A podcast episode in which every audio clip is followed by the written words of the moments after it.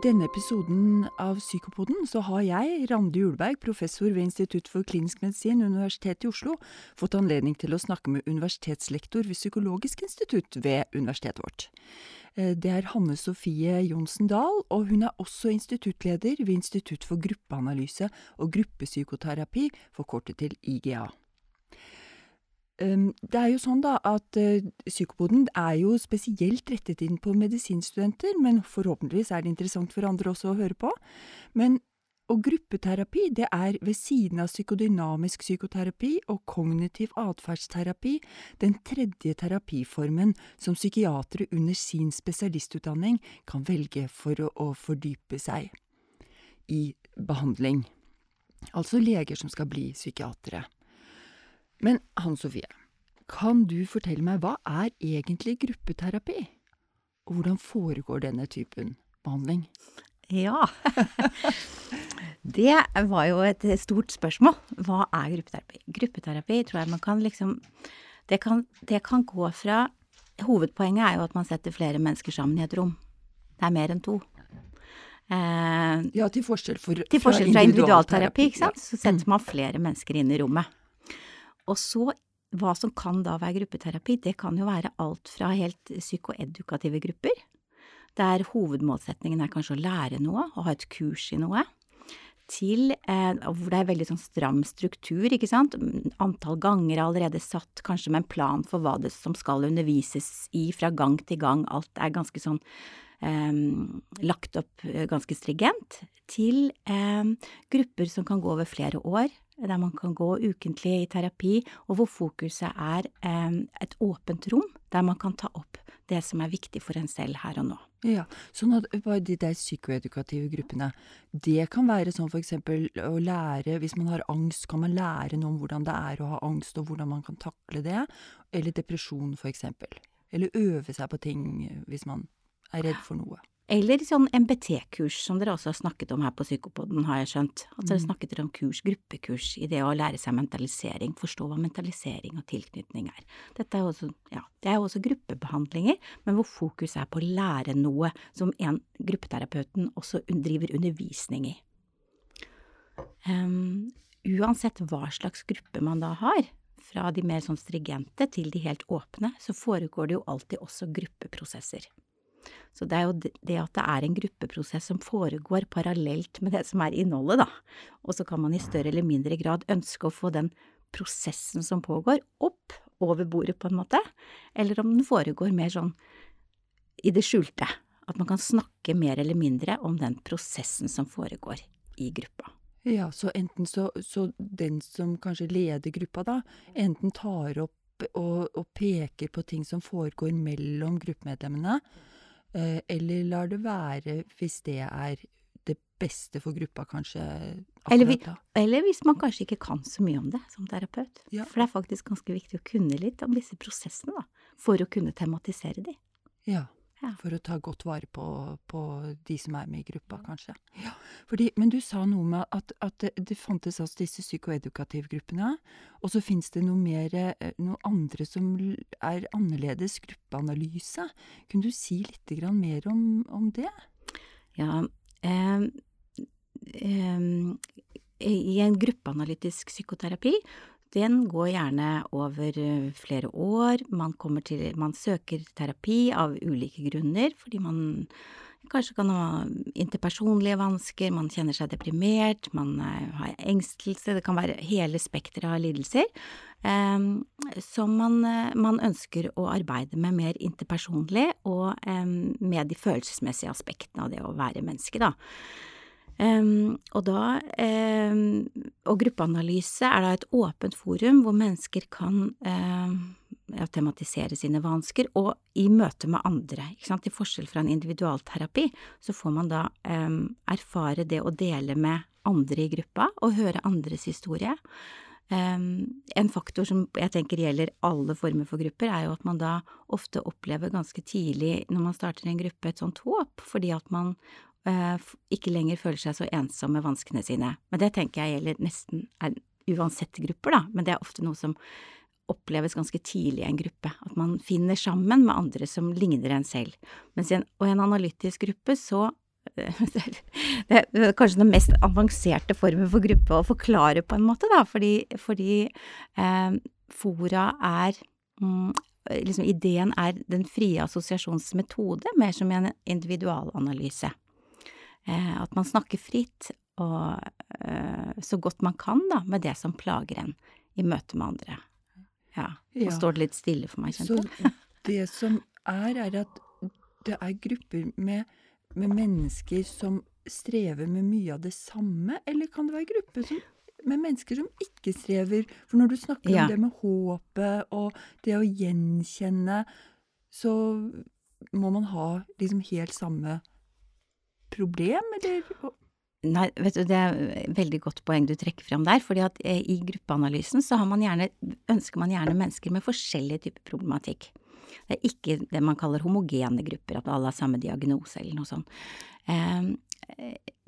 Um, det er mer sånn at man ønsker kanskje noen som er litt mer introverte, noen som er mer ekstroverte, at man har forskjellige måter å håndtere det å være menneske på, da, for det gir et samspill som kan være veldig lærerikt for alle.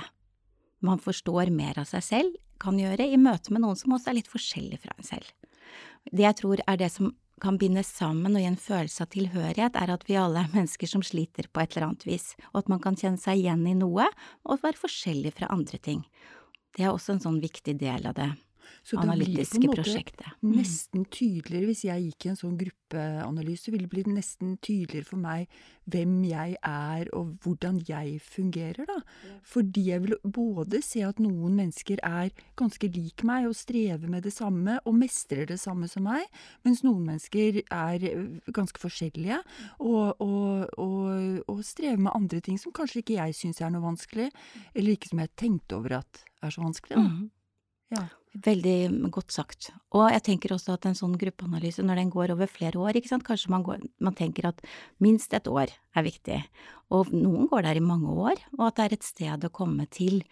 Eh, ikke sant, ehm, for hvis livet kjennes eh, utfordrende, så er det et trygt sted å komme til og dele både livets utfordringer i parforhold eller i jobbsammenheng eller i vennerelasjoner.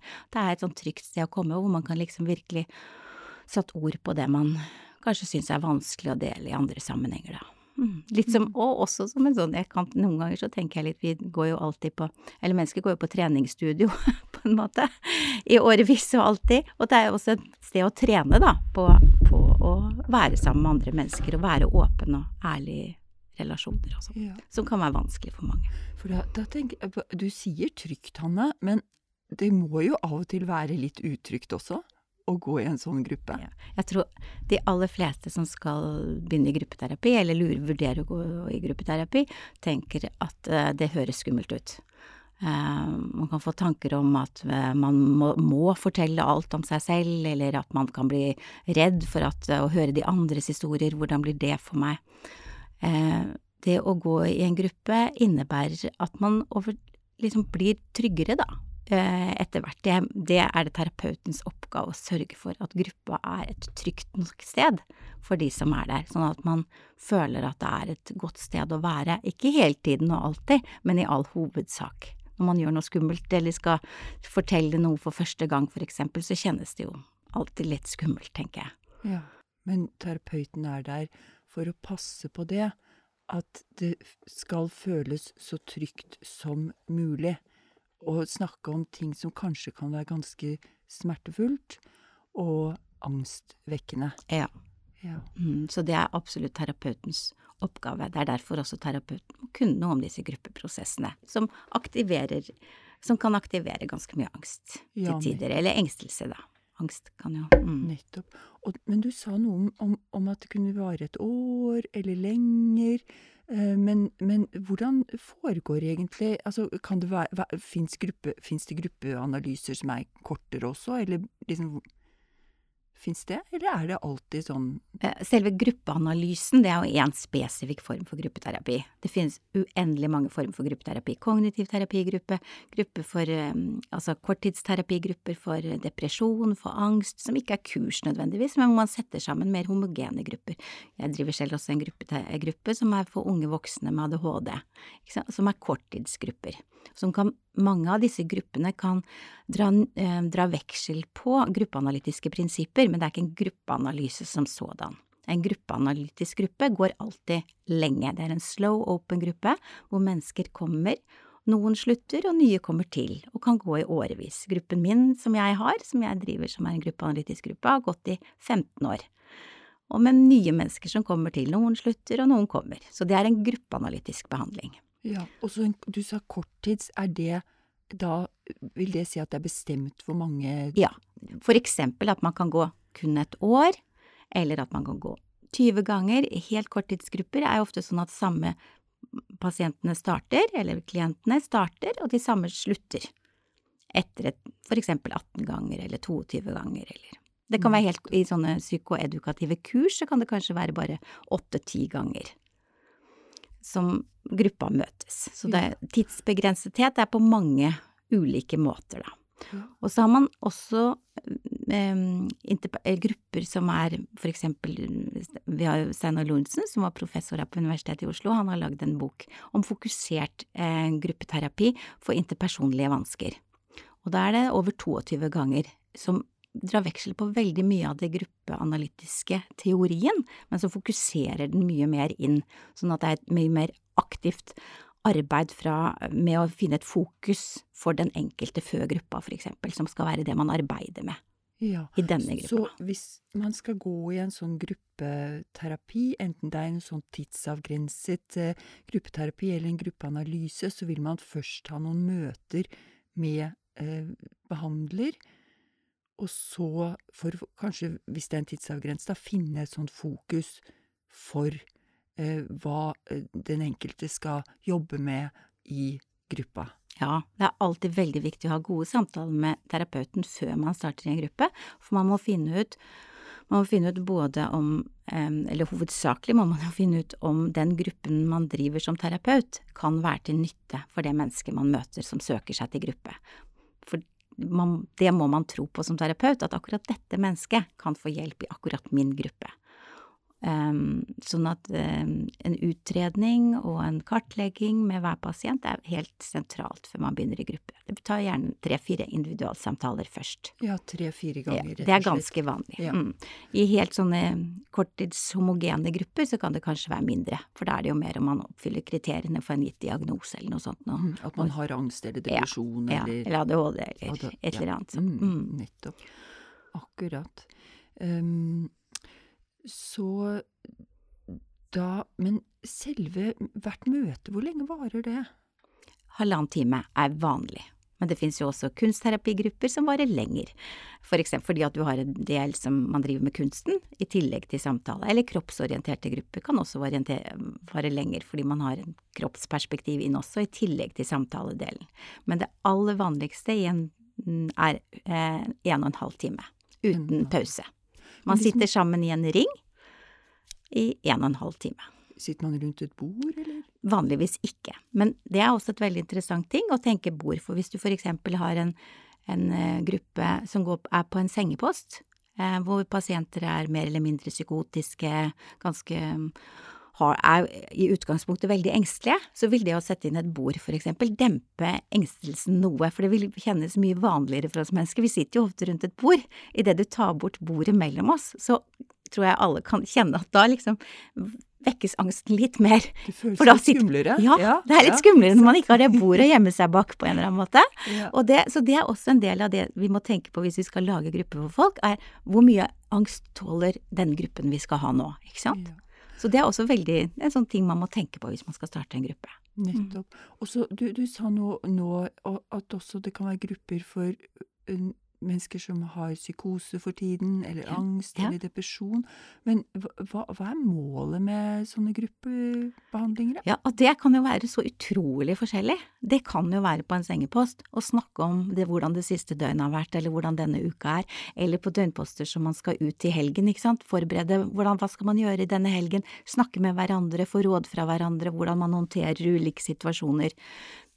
Fra det, ikke sant, som er akkurat helt her og nå, til, til eh, det å arbeide med, med hele seg selv, på en måte, hvor personlighetsutvikling, det å bli kjent med seg selv og få endre, på en måte få en bedre eh, person Man kan jo tenke at man har ganske ja, vansker på flere områder i livet, og at alt skal på en måte gjennomarbeides over tid i en gruppeanalyse. Ikke alt, da, vi, jo, vi har jo alltid våre ting med oss, men sånn at man kan kjenne seg trygg nok i livet til å håndtere livets utfordringer på en adekvat måte, da. Mm.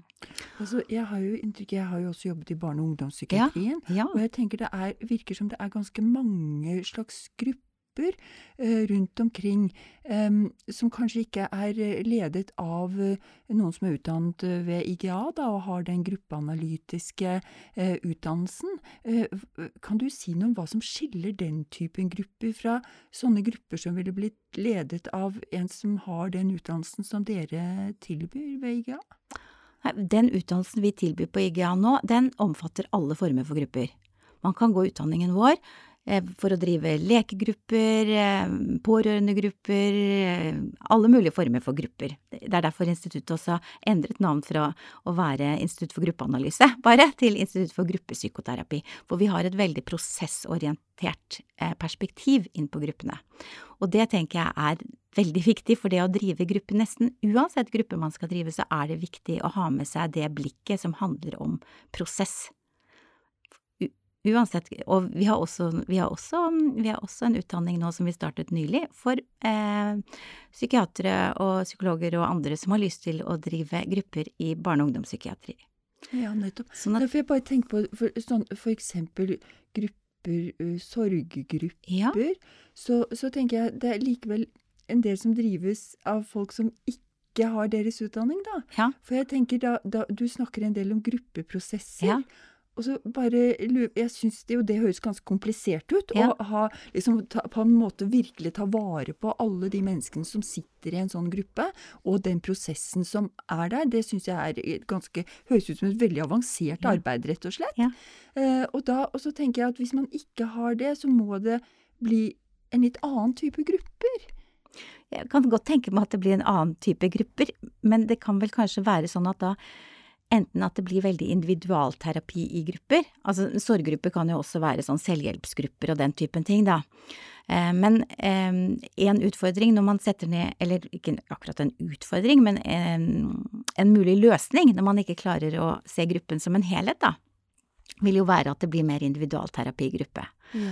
Sånn at man intervjuer én og én av gangen, på en måte, sånn, sånn at de andre hører mer på. Det kan jo også være veldig nyttig for mange.